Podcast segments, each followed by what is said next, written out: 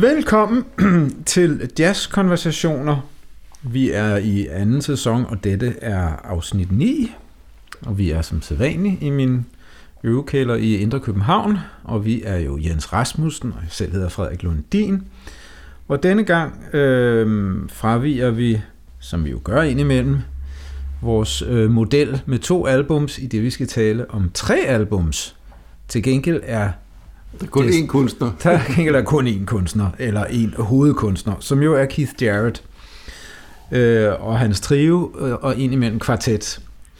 Der er tale om tre album, hvor materialet er indspillet mere eller mindre på én gang.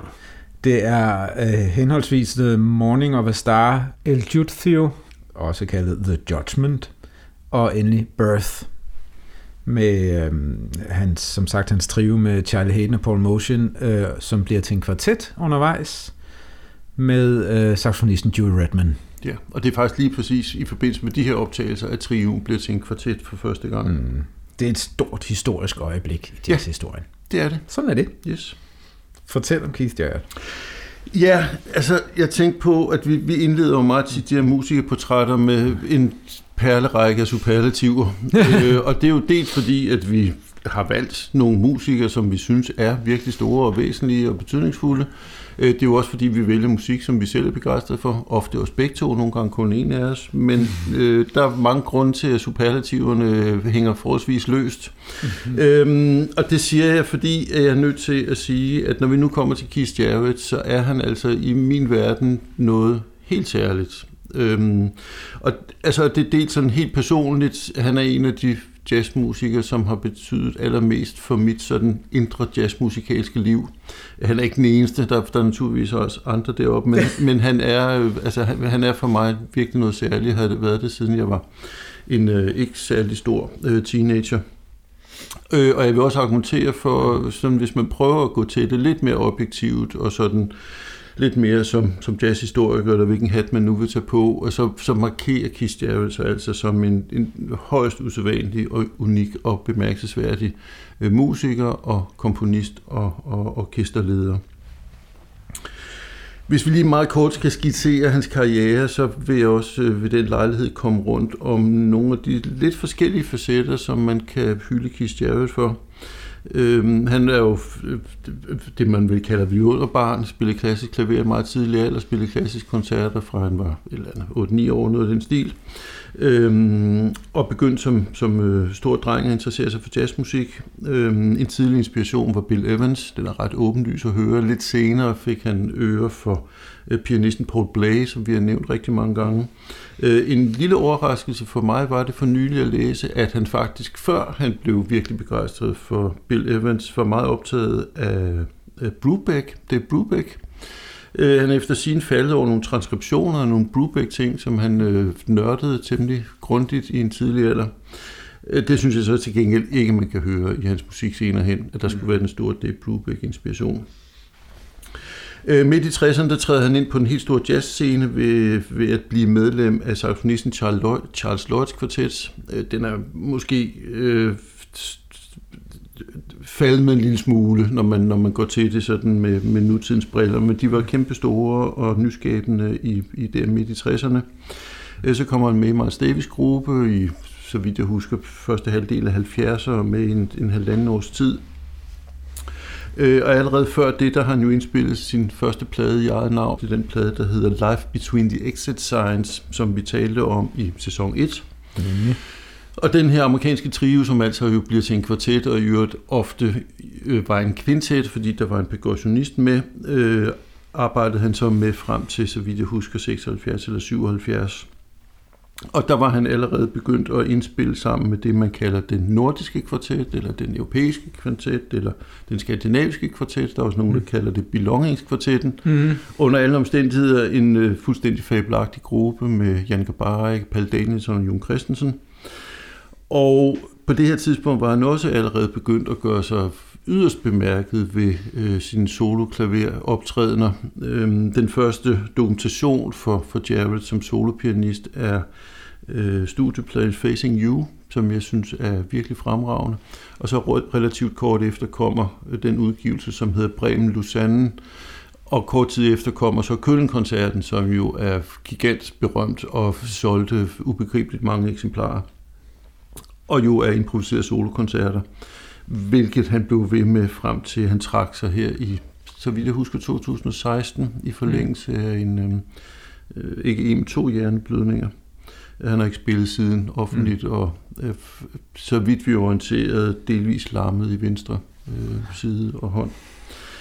Øhm, og så øhm, først halvdel af 80'erne begyndte han jo så at spille sammen med bassisten Gary Peacock og tromslæren Jack Janet, og danner dermed det, der er blevet kaldt standardtrioen, som igen er altså på et så højt niveau, som man savner ord, hvis man skal mm. prøve at sige noget begavet om det. og udover de ting, jeg har nævnt her, så har han jo lavet en del sådan øh, enkelstående øh, projekter, øh, han har lavet en plade, som hedder Vocations, som jeg synes er ret interessant, hvor han dels improviserer på kirkeår, dels improviserer på sopransax. Det spillede han nemlig også. Øhm, der er en plade, der hedder Spirits, hvor han spiller et ret stort arsenal af forskellige, primært sådan mere eller mindre etniske instrumenter, hvor han overdopper sig selv med øh, ret stor succes. Så vi har at gøre med en meget bred palet, og øh, naturligvis så kan man måske sådan, hvad smag behag angår, være mere øh, positivt orienteret i den ene eller den anden retning, men det er alt sammen meget mm, bemærkelsesværdig musik, og øh, samtidig med den her ret store altidighed i hans, hans produktion, øh, så lyder Keith Jarrett også altid som Keith Jarrett. Og altså det i sig selv, synes jeg, er en grund til at, at, at måbe en lille smule. Ja. Når, når man kan være så altid og alligevel have så personligt udtryk, så, man altså, øhm, så hører man til på den øverste hylde. Det gør man. Den musik, vi skal lytte til i dag, som er de tre plader, Frederik nævnte, er relativt tidligt. Øh, den her øh, amerikanske trio, indspillet Between the Exit, Live Between the Exit Signs, jeg nævnte før. Så er der en live-optagelse, som hedder Somewhere Before. Er det ikke rigtigt? Så. Jo, jo, jo. Så. Ja. Øh, så vidt jeg husker, optaget 69. Og det næste, vi så får med, med den besætning, det er altså øh, optagelserne til de her tre plader, som bliver foretaget i sommeren 1971. Og det er en meget alsidig musikalsk palet, der bliver præsenteret på de her plader. Øh, jeg kan huske, da jeg selv mødte, øh, jeg tror det var Morning of the Star, jeg lærte at kende først som, som ret ung, der synes jeg knap så godt om det. Jeg synes simpelthen, det var en rodebutik. Der var nogle fede numre imellem, der var godt nok også meget, jeg ikke gad at høre. Altså, jeg har det jo lige sådan. Jeg øh, øh, har opdaget, at jeg er en meget selektiv øh, lytter. Jeg finder nogle albums med en kunstner, jeg godt kan lide, og så holder jeg mig til dem. Og der for eksempel den trio her, altså trio af albums, øh, har jeg først dykket ned i i forbindelse med, at vi skulle lave den her udsendelse. Simpelthen fordi, da jeg stødte ind i den, havde det som dig. Jeg orkede ligesom ikke mm. at blive kastet sådan hed og det. Der var en bestemt ting hos den trio og kvartet, jeg holdt af, og det ville jeg have. Jeg gad ikke høre på det andet. Ja, og det var sådan, jeg havde det. Mm. Men når man lytter mere på det, som jeg har gjort, og som du også har gjort nu her, ja. jo, så er det altså virkelig spændende. Og, og altså, det, det han jo gør med den her type albums, er at, at sætte nogle, nogle ret markante modsætninger sammen på en måde, så de, så de kommer til at spejle hinanden. Altså det er sådan en slags kunstnerisk collage, som, øh, som kan være en lidt stor mundfuld øh, de første gange, man møder den, men, men hvor jeg synes, der er nogle meget stærke kvaliteter i de... Øh, ja, de spejlinger, eller den, den måde, de forskellige typer musik sætter hinanden i relief på. Ja. Og vi har valgt øh, seks uddrag, som er ret forskellige, og som viser bredden i den her palet.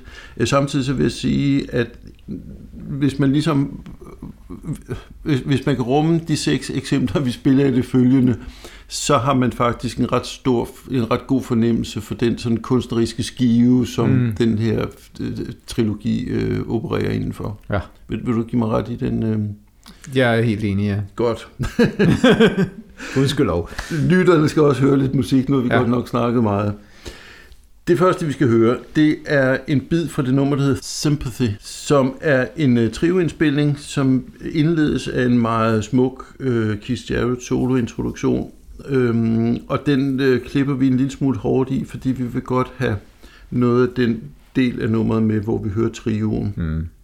Og uh, så vi kommer ind lidt ind i, i, i Jarretts introduktion, og det her uddrag er valgt, fordi det så tydeligt illustrerer inspirationen fra Bill Evans, som er en af de mange væsentlige musikalske rødder, som Keith Jarrett trækker på. Yep. Kommer nu. Det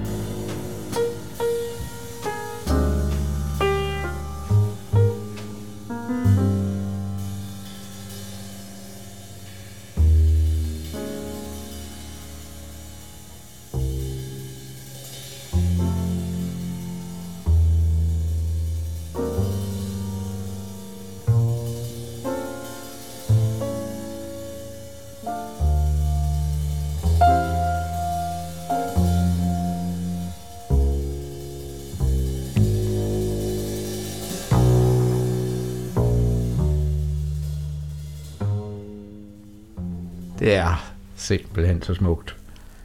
Øh, og den måde, som øh, vi sad lige her off mic og himlede over, hvordan øh, musikken går, øh, nu bruger jeg ordet, går i stå. Det er øh, vildledende, men den stopper op her, hvor det ser ud som om, at det er, vi indleder en bass-solo, hvor alle ligesom på en eller anden måde øh, slipper instrumenterne, og der bliver helt åbent. Mm. Øh, og alligevel er musikken der. Det er så enkelt og så fint. Så ja, det, er, det, det er et stort sted, Ja, lige ja. her, hvor vi forlod musikken faktisk. Og så mange andre bassister ville benytte lejligheden her til at vise, hvor dygtige de var, eller hvor meget Mhm. de havde på hjerte, eller et Mhm. eller andet. Og altså, Charlie Hayden spiller så få toner, Ja. og så enkelt, og det er så rammer så godt Ja. øh, alligevel.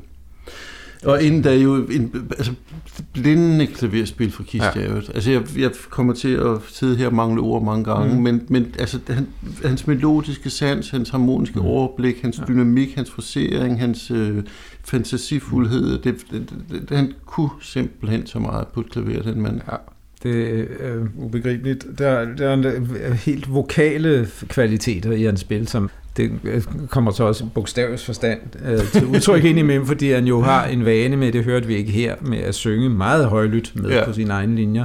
Men man hørte øh, i hans spil, hvad enten han synger eller ej, at det, øh, det er ikke fingre, der bare løber hen over tangenterne, det er det alt er hørt. Ja. Og det er, så, det er så melodisk stærkt, og samtidig, det tror jeg sidst vi talte om, det er at sammenligne det med øh, en måde, en blæser ville spille på ganske Mm. ofte. Øhm, både i ansats og, og i den måde, han former linjerne på, Ja. er, er noget helt særligt. Hvor, hvor, hvor mange pianister, øhm, øh, nu får jeg nok pianisterne på nakken, men mange pianister kan have tendens til netop at lade fingrene løbe, fordi det er så nemt på et klaver. Mm. Det kan så meget, Ja. klaveret, ikke? Du har et helt orkester til rådighed, øh, og det er svært ikke at lade være at sætte det hele i gang. Og ikke fordi, at øh, Jared ikke spiller meget ekvilibristisk indimellem, mm. og, kan, og kan bruge til noget, men han kan også det her Ja. virkelig, virkelig. Ja. følte, øh, enkle og fine. Altså, fordi det er det, du snakker om med klaveret, et helt orkester, det var han jo også ekspert i. Ja, det var ikke så altid, han, han benyttede sig af det. Der er faktisk mm. på, på den der, en af de her plader, et nummer, der hedder Pardon My Rags, Ja. som er sådan en, en øh, altså sådan top ekvilibristisk, sådan nærmest opdateret ragtime. øh, Det er ting. opdateret ragtime. Det synes Ja. jeg roligt, man kan kalde det. Øhm, og, altså, hvor jeg helt seriøst sidder og tænker, hvor mange hænder har han? Altså, og det, det er ikke overdubs, det er bare Nej. fordi, han, altså, han kan simpelthen have så mange musikalske elementer kørende mm. samtidig. Det er helt formidabelt. Øh, ja, det er det virkelig. Mm. Nå, men vi skal videre rundt i Ja. den her højst alsidige collage. Øh, vil du sige lidt om det næste nummer, vi skal lytte til?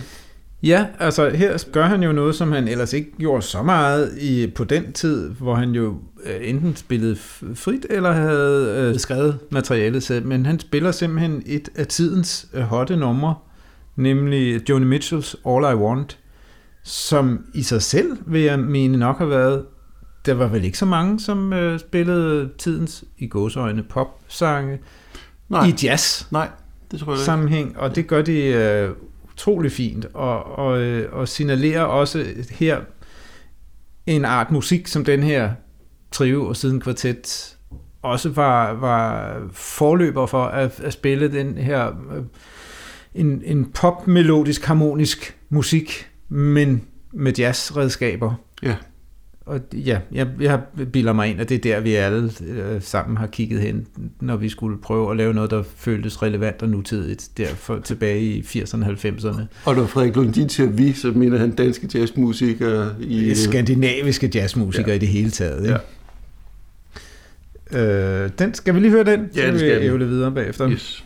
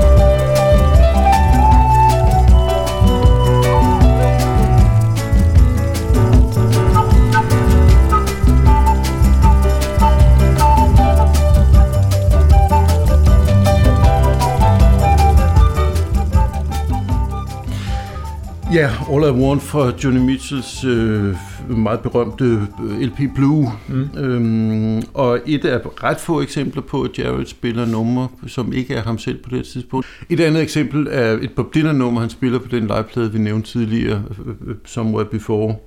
Øh, og, og det her sender også et signal om, at øh, Keith Jarrett havde en ret stor tilknytning til hippiebevægelsen på forskellige vis. Øh, Jeg nævnte Charles Lloyd kvartetten tidligere, mm. og udover de musikalsk var bemærkelsesværdige, så var de også bemærkelsesværdige rent kommercielt ved at lave sådan nogle øh, psykedeliske covers og ved at optræde i pandebånd og, og afghanerpels og, og sådan nogle ting. Altså Charles Lloyd-kvartetten. Charles Lloyd kvartetten, ja. Ja. ja. Øh, og, og det her, det er jeg ret sikker på, øh, levede videre. Øhm, jeg synes også, at den her musik emmer af, altså vi har kongas, vi har bongotrummer, vi har tamburiner, vi har blokfløjte. Jeg synes næsten, vi også kan høre pandebånden og afghanerpelsen i den her musik. Måske en chillum, skal jeg ikke kunne sige. Nej, det tror jeg ikke. Sådan en pæn mand. Det er helt utænkeligt. Øhm, Men jo også bemærkelsesværdigt, at der ikke er soloer for alvor her. Der er bare Ja. den her gode melodi, som de øh, jammer og hygger sig ja. med og laver små variationer. Ja. Og så det her, altså for jazzmusik ret usædvanlige beat, altså sådan, mm. eller sådan Ja. ja. country singer-songwriter, sådan lidt poppet groove, Ja. ja. som kører stedigt derud af fire fjerdedels betoninger ja. på alle fire slag, og ikke så mange ting tangel, Mm. mm. bare øh, Det tøffer bare derud af. effektivt og lige på, Ja. ja. meget enkelt. Og med bongotrummer og tamburin. Mm-hmm. Så her har de snydt lidt og overdoppet. Ja, nemlig. Skal vi høre mere musik? Jamen skal vi ikke det? Og endnu en gang, så springer vi jo så til noget completely different. Ja. Det vil vi gøre mange gange i løbet af dag. Øh, Det næste nummer, det hedder Forget Your Memories, og så i parentes, And They Will Remember You. Og her hører vi så øh, Dewey Redman, tenorsaxofonist Dewey Redman, som, som øh, kom med i gruppen øh, lige præcis på det her tidspunkt. Og øh, ja, skal vi ikke høre uddraget først, og så snakke Jo. lidt om det bagefter. Det skal vi.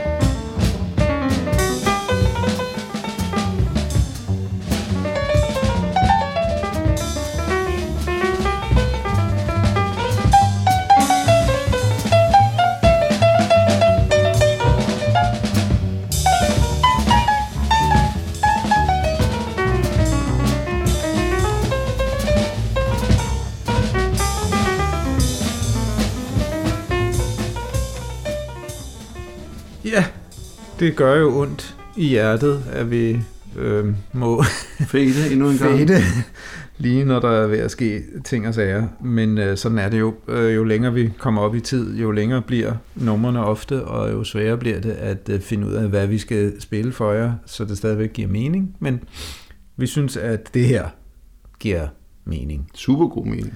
Især fordi vi hører temaet, som er rigtig klassisk øh, Keith Jarrett tema, super melodisk med nogle sjove øh, spring i Mm. tonearter, og her vi så og diskuterede lidt, hvad man kalder det her. Du kaldte det rent rytmisk, vil du sige, Jeg, det var. jeg, jeg tror, jeg sagde semifri puls. Altså Ja. en, halv, en halvfri puls. Fordi man jo helt har tid, klart har en fornemmelse af noget, der bevæger sig fremad. Øh, det står ikke bare på stedet og summer, ligesom. Det, og det er meget, fordi det er trukket af det melodiske materiale. Ja, men jo også fordi de følges ad. Ja, det må man sige, ja. Ja. Øh, og- det vi sad og snakkede om, det var, om, om, om man kan kalde det her rubato. Det kan man selvfølgelig sagtens. Altså teknisk set så er det her Mm. rubato, men det er bare enormt rubato. Ja. Øhm, altså rubato kan sagtens være, ligge meget tættere på en fast puls, end det her Mm. gør. Øhm, Vi talte om i øh, for to udsendelser siden i udsendelsen med, om Albert Eiler, Archie Shepp, øh, at øh, det var måske muligvis Albert Eiler lidt, der opfandt øh, den her form med øh, melodier, som bevæger sig mere eller mindre i tempo, og en rytmegruppe, der øh, ikke gør det. Altså hvor rytmegruppen er mere fri af pulsen, Ja. ja. end dem, der spiller melodien. Mm. Det, det er meget nyt på et eller andet tidspunkt her omkring. Jeg ved ikke, om Ornette Coleman også har eksperimenteret med det lidt tidligere. Øh, nej, det kommer lidt... Det er ikke, han er jo faktisk ganske ofte ret rytmisk mm. derudaf. Ikke? Der, ja. ja. Det er i hvert fald en ny ting på det ja. her tidspunkt, uanset om der er nogen, der, der kommer lidt før med det. Men, men, men øh, Ornette Coleman, som det jo er vigtigt at nævne i flest mulige udsendelser, er vi tidligere blevet enige om, er jo væsentlig her, fordi at det her er en, en melodik og en øh, måde at, at spille øh, og improvisere på, som har haft stort slægtskab med Ornette, og helt klart også øh, nikker til ham. Ja. Og vi får et, lige om lidt et decideret, decideret hyldst til ham. Ja. Øh, skal jeg lige sige lidt om Joey Redman her? Meget gerne. Som jeg jo holder utrolig meget af. Virkelig dejlig, og, og, men øh, i den brede befolkning underkendt saxofonist, øh, som øh, ligesom Ornette Coleman jo øh, kom fra Fort Worth, Texas, og han er født i 31. Han døde i 2006, desværre. Lidt for tidligt, men noget dog en fornuftig alder, kan man sige. Ikke? hvis man er jazzmusiker, og også øh, misbruger undervejs. Han øh, spillede i øh, skoleband med Ornette Coleman, har jeg øh, kunne læse mig til, mm. og spillede siden, som om man så må sige, voksen, sammen med Ornette i nogle af hans bands, medvirker på... Øh, ja, han med på blandt andet øh, Ornette Coleman-albumet New York Snow, øh, og forskellige andre øh, Coleman-ting. Og øh, så øh, havde han jo kvartet siden, en kvartet sammen med Don Cherry og Charlie Hayden og Ed Blackwell, altså alle sammen folk, der har spillet med Ornette, var væsentlige i Ornettes 50'er 60'er orkestre. De fire havde bandet Old and New Dreams, hvor de spillede en del forskellig musik, men også Ornette Coleman. Altså næsten sådan en slags Ornette Coleman revival, uden ja. Coleman selv. Med, og virkelig dejlig band. Mm. Og så spillede han jo altså med Keith Jarrett og Charlie Hayden i forskellige uh, Liberation Music Orchestra udgaver Præcis. og sådan nogle ting. Ikke? Ja. Og på et album, som uh, var meget specielt i, i overgangen fra 1980 til 81, nemlig orkestret og pladen 8081 ja. i Pat Metheny's navn, hvor han spillede uh, over for uh, en, ganske anden, ja, en ganske anden tenorsaxofonist, mm. nemlig Mark Brecker. Uh, og super interessant plade. Ja, og de to klæder hinanden overraskende godt. Det er Sjovt nok, besynderlig ja. match, som ja. fungerer virkelig godt på den der, plade. Der er på en eller anden måde respekt mellem dem. Ja, man kan sige, at sådan grundudtryk ligger meget langt fra hinanden. Ja.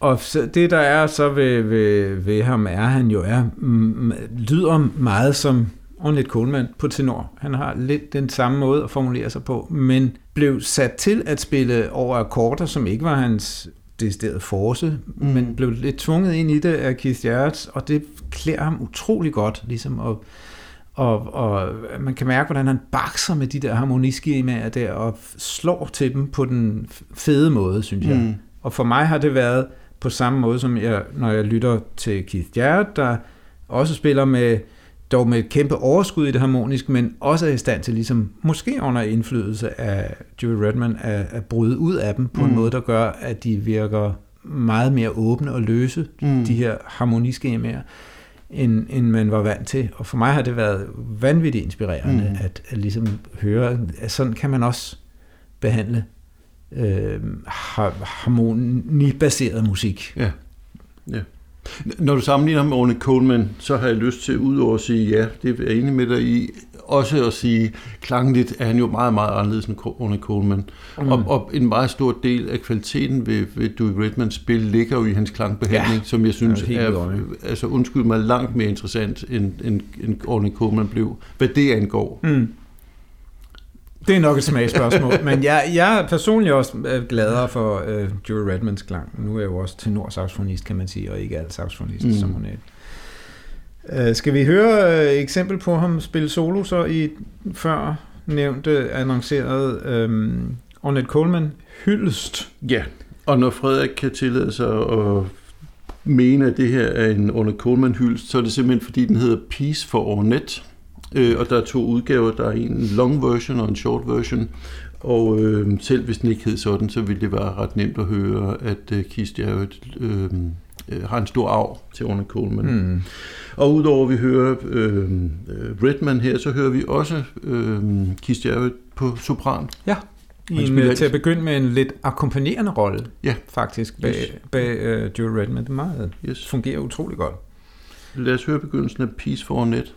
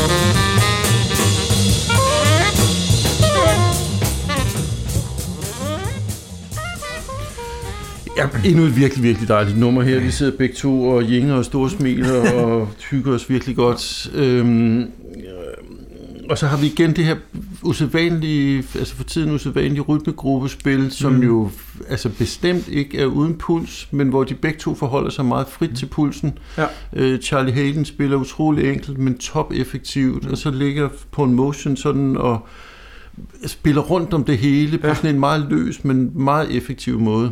Det, altså, men det, det svinger som død og helvede, men øh, satte man en metronom til, det ville øh, komme til at lyde mærkeligt. ja. Øh, og det er, det er ligesom lidt op og ned i tempo hele tiden, mm. Men, men uden at man oplever det som, at det accelererer eller taber i tempo. Det flytter sig bare hele tiden. Det er sådan Ja. flere, flere samtidig bevægende øh, tandhjul, der ligesom kører ved siden af hinanden på en eller anden måde. Ikke? Ja, og de kører alle sammen i samme retning, men, Det er nemlig men det, ikke? øh, Ja. lidt, lidt, lidt varieret tempo hele Ja. tiden. Det er simpelthen så skønt. Her ja. Kunne man også høre lidt, øh, at, at øh, Jules Redman også har lyttet til den store tenorfader Sonny Rollins. Der er noget time og, mm. Og øh, sound, som, som, som jeg synes er meget øh, tydeligt kommer derfra. Ja, det har jeg ikke tænkt over, men det kan jeg sagtens høre. De virkelig skarpsindige øh, lytter med god hukommelse, vil måske erindre, jeg ikke er sådan voldsomt begejstret for sådan noget, men jeg kan sagtens forstå sammenligningen her. Hmm. Øh, og så har vi jo Jared på, saxofon, på sopransaxofon. Frederik, hvordan har du det med, med det?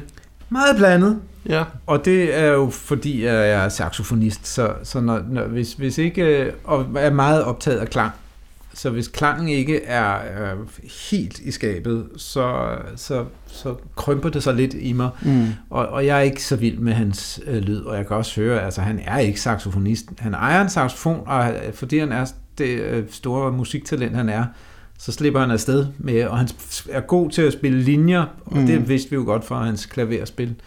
Jeg har det svært med, med det klanglige, men Mm. jeg synes i de her sammenhænge her, hvor det hele er lidt snavset og skramlet, øh, så fungerer det rigtig godt, og jeg synes, det fungerer super godt her i duet med, med, med. Redman. Og, og så også, øh, at han, han kender jo godt sine begrænsninger. Det er jo ikke mm. Fordi, at han spiller ting, han ikke kan, øh, og han spiller også, når han indimellem spiller en rigtig solo selv, så spiller han aldrig for længe, om Mm. man så må sige. For hurtigt sagt, hvad han skulle, øh, og overlader arbejdet til de professionelle Mm. siden. Altså, jeg har jo ikke nær så kritiske ører på saxofonklang, som du har, og jeg, jeg øh, øh, lytter til, til kundskaben. Mm. Øh, men jeg må samtidig sige, at jeg, altså, jeg synes, han lyder virkelig dejligt Mm. på, på sopran. Og, og jeg, jeg tænker måske, at han, altså det med hans klang svinger også lidt fra, fra periode til periode. Ja. Øh, altså for eksempel den plade, der hedder Survivor Suite, som noget af det sidste, de lavede med, med den her besætning, der synes jeg altså faktisk, han lyder virkelig godt på, på sopran. Mm. Øh, og så den, den plade, der hedder Invocation, som jeg nævnte tidligere, som jo altså dels er kirkeovl improvisationer og sopransax improvisationer, og nogle gange overdubs tingene sammen. Mm. Øh, der, der udforsker han jo meget sådan sopransaxens øh, klanglige muligheder, og altså i mine ører lyder det virkelig godt. Øhm, Jeg, jeg er ikke uenig. Jeg, jeg kan kun sige, den kender jeg slet ikke, det album. For som jeg først sagde, jeg er meget selektiv lytter. Mm. Har jeg, det kommer vi til, når vi skal anbefale album, så har jeg, har jeg en særlig grund til at anbefale de album, jeg, mm, jeg gør.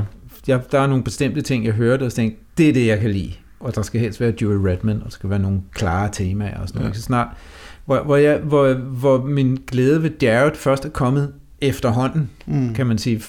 Jeg, det, jeg var glad for, var kvartetten, og Joey Redman og det, de lavede sammen. Øh, men nu skal vi jo igen til Something Completely Different, Ja. fordi vi er slet ikke færdige med altidigheden på den her plade. Nej.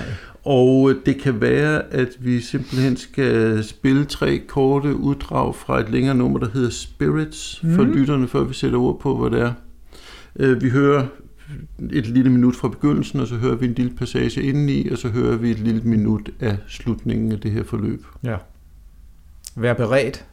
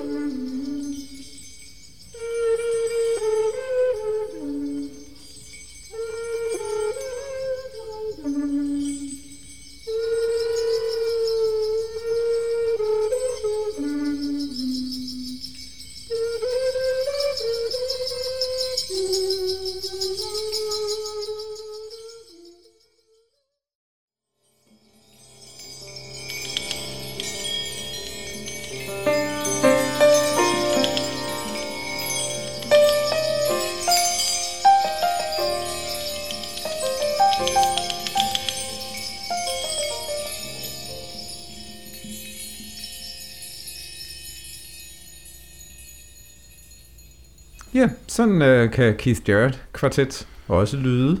Vi startede med noget øh, kinesisk musette, som jo er et øh, rørbladsinstrument, der findes overalt i verden. Det er blevet til en obo i den klassiske musik, og Ja. ja.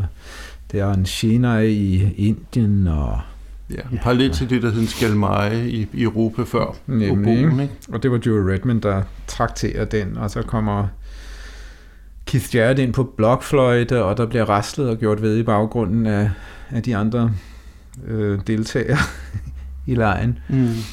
Det her, det er så noget af det, som har fået mig til at øh, stige af over for nogle af de her kvartetplader, fordi at jeg, jeg tænker, jeg har mit liv er for kort Mm. til at høre improvisationer af, måske mest fordi den er så lang, den her, fordi der er nogle gange, hvor de laver dem forholdsvis korte, og hvor mm. jeg så opfatter dem som, som når man går på fine restauranter og lige får en lille sorbet mellem retterne, for ligesom mm. at rense munden. Mm. At det kan fungere på, øh, fordi der sker så vanvittigt meget i de andre numre på alle mulige planer. Ikke?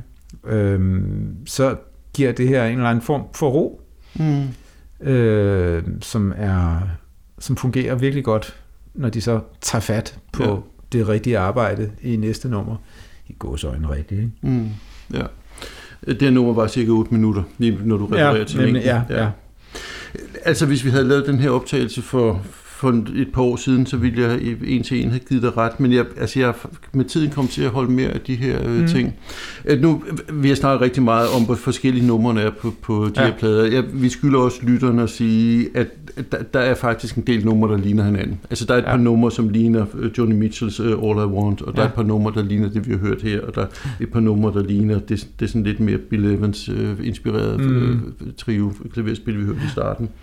Uh, men, men den type numre, vi hører her, er der ret mange eksempler af i Jarretts produktion forskellige steder, specielt i den her periode. Mm. Og øhm, jeg, jeg synes, der er nogle interessante perspektiver i det. Altså, vi er jo på et tidspunkt i jazzens historie, hvor mange amerikanske og europæiske jazzmusikere begynder at lytte ud i verden. Altså, der har selvfølgelig altid været inspiration fra afrikansk og, og, og øh, karibisk musik, men specielt i 70'erne, slutningen af 60'erne og 70'erne, er der mange musikere, der bliver inspireret af indisk musik og japansk musik og alt muligt forskelligt. Ja. Øh, også de der store jazzrock-navne, vi har snakket om. Ikke World Report til Korea, Mahavishnu, har alt sammen sådan ørerne og inspirationerne, trækker inspirationer ud fra det, man kan kalde ikke-vestlig musik, selvom ja. det er lidt besynderligt begreb det der er med Jared, det er noget, der ligner, men som jeg mere hører som sådan en inspiration fra, ja, det så kunne man sige, sådan de oprindelige kulturers musik, altså eskimoisk, indiansk mm. musik. Øhm, der, der er tit sådan lidt, lidt shamanistisk præg. Vi havde også noget shamanistisk messen mumlen ja. her. Og efter jeg selv fik den vinkel på det, begyndte jeg at opleve det som sådan en slags øh, sådan urmusik. Altså der er sådan noget meget øh, primalt, eller sådan, altså i dag kan man jo ikke bruge ordet primitivt, men sådan før civilisatorisk mm. musik. Øhm, og den, den plade, der hedder Survivor Suite, som jeg har nævnt et, et par gange, består af en lang suite, det udføres over to pladesider, og begynder faktisk med en meget, meget interessant sådan musikalsk skabelsesproces. Den starter med en og kun en tone, som bliver til to toner, og så bliver der etableret en, en skala, og efter lidt tid bliver der etableret en fast puls. Efter lidt tid igen får vi harmonier, altså flere toner sammen, endnu lidt senere, så får vi de moderne instrumenter, altså klaver og saxofon på, vi får harmoniskift. Så over sådan et, et forløb på, jeg kan ikke huske 10-12 minutter, får vi ligesom sådan en skabelsesproces, som begynder med sådan et eller andet urmusikalsk, mm. og ligesom vokser frem til, til den moderne jazz. Øhm, og den, den type musik, vi lige har hørt, nummer Spirits her, hvor vi havde tre foredrag, det, det, det er begyndt at opleve meget som sådan en, ja, nu bruger jeg igen ordet urmusikalsk, men, men, men en inspiration fra noget af det, det første musik, mennesker sandsynligvis har skabt. Mm. Og så selvfølgelig en anden setting. Altså, der er jo ikke, der er jo ikke nogen religiøs, øh, øh, rituel øh, øh, præmis her. Og, og, altså, man kan også sige, at de bare spiller mærkeligt free jazz på nogle mærkelige instrumenter. Ja, bortset fra, jeg nok faktisk ikke ville kalde det free jazz, fordi det har ikke noget med jazz at gøre. Free jazz, det er Albert Eiler, når de spiller helt frit, fordi de taler ind i en jazzlyd, men det her er jo, som du siger, faktisk mere urmusik. Så det, det mm, og det er improviseret, ja. kan vi også med, ikke? men ja. der er jo ikke noget, der er ikke noget, som ligesom taler overhovedet ind i nogen form for jazzsprog i mine ører, hvilket jeg ikke anser som negativt, tværtimod mener netop, at det er faktisk det positive ved det, ikke? og man kan fornemme, at det, man kan også forestille sig, at det er en, øh, har været en del af deres egen proces. Altså, mm. at det har været vigtigt for bandet selv at spille den her type ting ind imellem, for eksempel at rense luften lidt. Ja. Øhm, især i en tid, hvor man var på udkig efter nye måder at sige tingene på. Mm. Ikke? Ja. Altså lige det her nummer, der kommer et klaver til sidst, som signalerer ja. jazz, men det, det er irrelevant argument, for mm. der er en mm. masse eksempler på, at der ikke er nogen, nogen, mm. nogen typiske jazz-elementer. Ja. Og altså, jeg er for så vidt enig med dig, men man kunne godt udfordre synspunktet ved at rette opmærksomheden på, at den der frisættelse, der sker med free jazzen, den, altså den fortsætter jo hinsides Albert Ayala. Mm. Altså i 69-70 er der nogle utrolig spændende ting fra Art Ensemble Chicago, som på det tidspunkt var i Paris, og som ligger betydeligt længere fra jazztraditionen, end Orne Coleman og Albert Ayala mm. gør, men som jo alligevel i en eller anden grad udspringer en jazztradition i Chicago.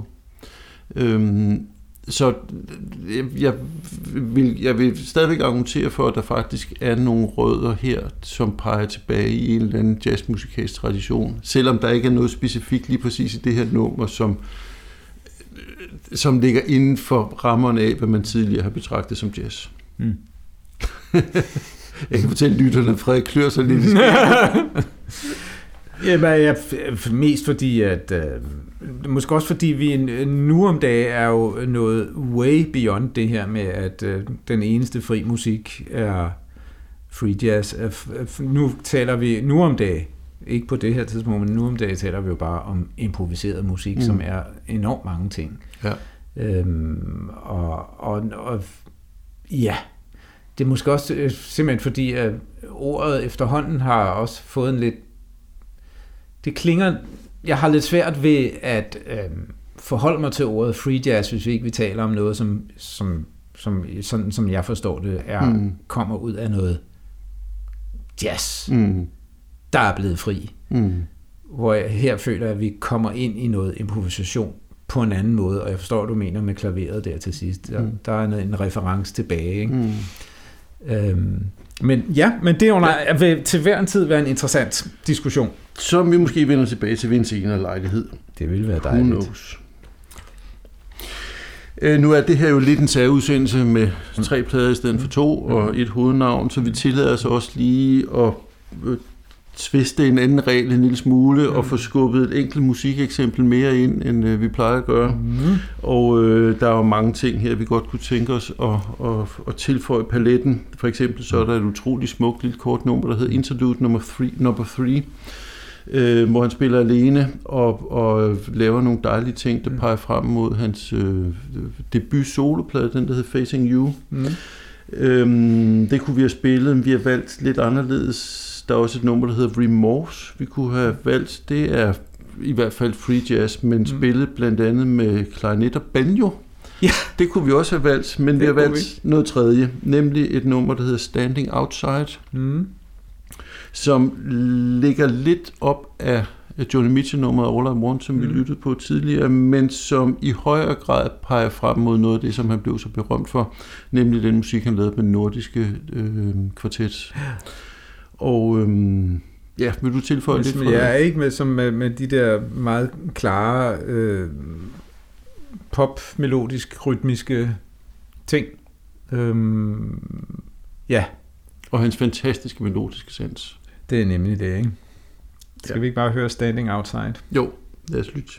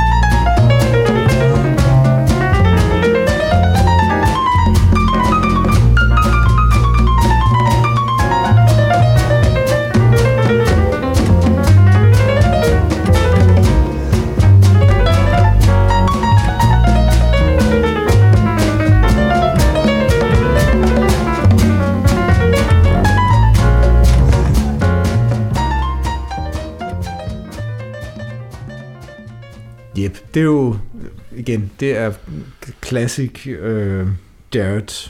Ja. Sådan som, som de fleste kender ham, tror jeg. Dem, som ikke har dykket ned i de mere um, krævende ting. Ja, men musik, som er fuldstændig ny i 71. Ja. Altså, der var delen ikke ret meget jazz, der lød på den her måde. Nej, er du synd? Han var vel den...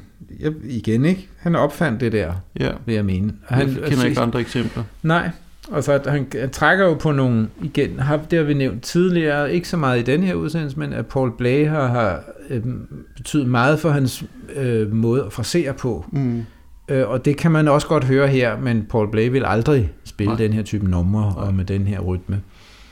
Men altså den, den der meget flydende, øh, organiske øh, måde, når han spiller hurtigt, og de, øh, det vi kalder forslag, altså en Mm. lille sådan, jeg har før ud, pling. jeg har, jeg har sagt duet, har jeg sagt et par gange, en ting, som var meget øh, tydelig Keith Jarrett, men faktisk kom fra Paul Blay. Ja. Jeg tror ikke, jeg gjorde særlig meget andet, da jeg var 14. Nej, det er sådan nok- Duet, duet, duet, duet, duet, sagde det. klaver. Det er meget sjovt. Ja. Nærmer vi os øh, syvende nummer? Ja, det gør vi. Og øhm, igen, så viser vi jo altidenheden her på flere måder. Mm. Blandt andet, fordi Charlie Hayden spiller med auto-wow, tror jeg, på bassen. Ja, det gør han. Det gør han ikke ret tit, men det er Nej. godt nok effektivt. Og Ja, det er sindssygt, ja. super fedt tema. Jared på sopran igen. Og øhm, ja, fuld fart, hoved under Mm. armen. I den grad. Og igen noget, som øh, helt klart nikker til Ornette Coleman. Melodisk, rytmisk, det hele. Mortgage on my soul, parentes, wah wah.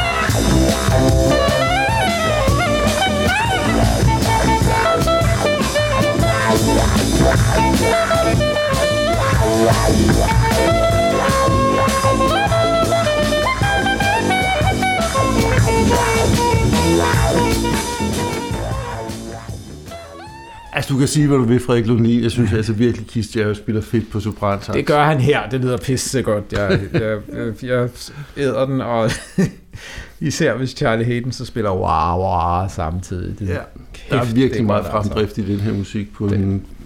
Ja, Og igen, øh, helt, øh, jeg, jeg hører jo helt klart øh, Jimi Hendrix nummer her. Det lyder som, nu kan jeg ikke lige komme på en titel, men noget jeg har hørt før. Der er jeg ret sikker på, at der er også hentet inspiration derfra. Ja. Vi bliver nok nødt til at runde af, selvom Ja. yeah. vi kunne blive ved øh, lang, lang, lang tid endnu. Sagtens. Øhm, vi er nået til øhm, anbefalingerne, og øh, det er dig, der lægger ud i dag. Godt så. Jeg har tidligere anbefalet Shades, så den vil jeg ikke anbefale nu. Men øh, et par andre album fra samme tid, øh, nemlig Mysteries og Bobby fra henholdsvis øh, 75 og 76. Jeg fortalte før, at jeg havde det lidt øh, svært med de mange øh, excesser ud i fri improvisation på diverse biinstrumenter. Så derfor øh, holdt jeg mig meget til de her, hvor der er virkelig mange fremragende Jared-kompositioner på, og de mest bare spiller almindelig kvartet. Men på den måde, vi har hørt dem gøre det her, når de, når de spiller, om man så må sige, på deres hovedinstrumenter, alle fire. Mm. Ikke? Og så et album, der er lidt tidligere. Uh, Expectations er så, uh, ligger lidt mere op af det, som vi har hørt her. Den er igen meget eklektisk, der sker en masse, men der er også der er også uh, Sam Brown, uh, gitarristen Sam Brown mm. er med, og der er en uh, blæsersektion på et par numre, og der er numre. også stryger på nogle numre, og det giver på en eller anden måde en, noget, jeg synes er rigtig sjovt at høre på, og pludselig at få åbnet op til den side. Ja. Øh, altså, jeg synes også, det er lidt blandet kvalitet, men den absolut, virkelig ja. mange gode ting på, og ja. der er i øvrigt ikke noget shamanistisk urmusik. Det er der så heller ikke, nej. Så det, det, det slipper man for, hvis man ikke lige er til det. Det er sandt. Og nu, lige nu har vi jo så kun anbefalet ham selv som kapelmester. Der findes også anden musik, men det rækker tiden ikke til. Så nu vil du Ja, og jeg vil starte med en plade, der hedder Treasure Island, som er med samme besætning, men hvor Sam Brown også er med på nogle af numrene, mm. guitaristen, og hvor der er to percussionister faktisk på, på de fleste numre. Øh, og som stilistisk ligger lidt omkring det, det, vi har præsenteret i dag, men lidt mere homogent og faktisk med sådan lidt flere elementer, noget der ligger hen i retning af jazzrocken, altså ostinat og enkel harmonik og, mm. og sådan nogle ting. Øhm, god dejlig plade, synes jeg. Og så har jeg rigtig mange gange nævnt den der Survivor Suite, som for mig står som noget, noget særligt. Øhm, så den skal bestemt også med. Og blandt det aller sidste, de lavede, øh, der er Bob B., som du nævnte. Der er også en anden, som hedder Bayer Blue. Ja. Øh, de er begge to optaget lige før han skiftede over til pladeselskabet ECM. Okay. Øhm, og Bob B. og Bayer Blue er de sidste, som han overhovedet optager med den amerikanske kvartet. Og hvor de øh, andre øhm, der var de andre medvirkende havde en større rolle som komponister. I ja, det er hvor rigtigt. der var er flere... Øh, Charlie Hayden-kompositioner specielt. Øh, ja, uh, Bayer Blue mener jeg Paul Motion. Ja, det er meget, der brøvler. Ja, så øh, Paul Motion som hovedkomponist på Bayer Blue, og, og Joe Redman har flere numre på Bob B. Ja. Ja, det var anbefalingerne. Vi skal huske at nævne, at vi har en Facebook-side. Det skal vi. Øh, sætter pris på, at folk lige besøger, og hvis man har lyst, kan man give os et like, og hvis man har lyst, må man meget gerne komme med en kommentar med den ene eller den anden art. Ja, og, så, ja, og det er jo så der, hvor vi lægger supplerende informationer og vores anbefalinger. Måske kommer der også to boganbefalinger, det kunne jeg godt forestille mig, der måske ja. vil komme dengang. Mm-hmm. Men ellers er vi jo nået dertil, hvor vi skal sige et eller andet øh, halvtoget om øh, det næste udsættelsesindhold, og øh, det er jo et storværk, vi skal snakke om næste gang. Øh, stor besætning, stort, øh, meget musik, meget forskellig musik. Igen kan man sige, alsidighed er et, øh, et øh, kendetegn. Øh, det er et stort musikalsk jazzværk med noget, der kunne ligne en handling, men måske alligevel ikke rigtig er det. Mm-hmm. Og med inspiration fra alle mulige forskellige øh, musikalske verdener, blandt andet beat- og rockmusikken. Skal vi lade det være ved det? Der er faktisk også et par genganger fra dagens udsendelse. Ja. I Faktisk dem alle sammen undtagen Keith Jarrett, ikke? Jo, det tror jeg, du er ret i, ja. Uh, hvem kan det måske så være? Uh. Jamen, øh, vi siger tak for den gang fra Frederik Lundin og Jens Rasmussen. Nemlig på genhør.